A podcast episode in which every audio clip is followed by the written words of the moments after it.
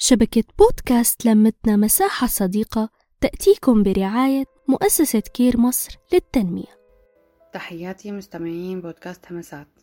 رح نتابع سلسلتنا عن الذكاءات المتعددة ورح نحكي اليوم عن الذكاء الجسدي اللي بنسميه كمان الذكاء الحركي أو الجسمي أو الحسي أو العضلي. بعبر هذا الذكاء عن المهارة الجسدية اللي بيملكها الفرد.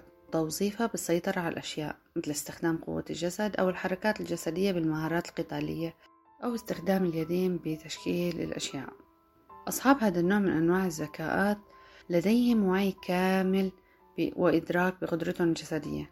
بيقدروا كتير يتواصلوا باستخدام لغة الجسد والإيماءات التعبيرية. من نقدر نوصفهم بأنهم بيحكوا بإيديهم.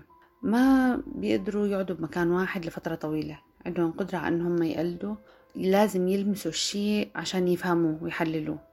عندهم حس المغامرة عالي كتير وبيحبوا كتير الشغل الميداني. منلاقي هدول الناس موجودين وين؟ رياضيين لاعبين كرة قدم سواء مصارعة سواء سباق أي لعبة رياضية.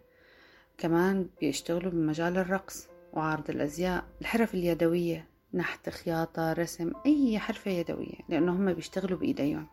كمان بينضم إلهم الجراحين وأطباء الأسنان والعلاج الطبيعي لأنهم بيشتغلوا بإيديهم. عشان ننمي هذا النوع من أنواع الذكاءات لازم نخلي الطفل ينضم للنشاط الرياضي سواء كان مع فريق أو سواء اشترك بالرياضة بشكل منفرد. كمان لازم يتعلم حرفة يدوية ويشتغل فيها. تعرفوا لعبة الاختباء؟ خلاويص بمصر بيسموها ونحن عنا بسموها غميمة أو هيك شي. كتير كتير تفيد الطفل إنه هو ينمي عنده الذكاء الحركي. كمان يحاول يدور على الأشياء المتخبية. هو مغمض عينيه هذا الشي بيقوي عنده. هذا النوع من أنواع الذكاءات.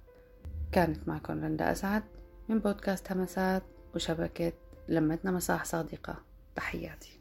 نحكي نتشارك نتواصل.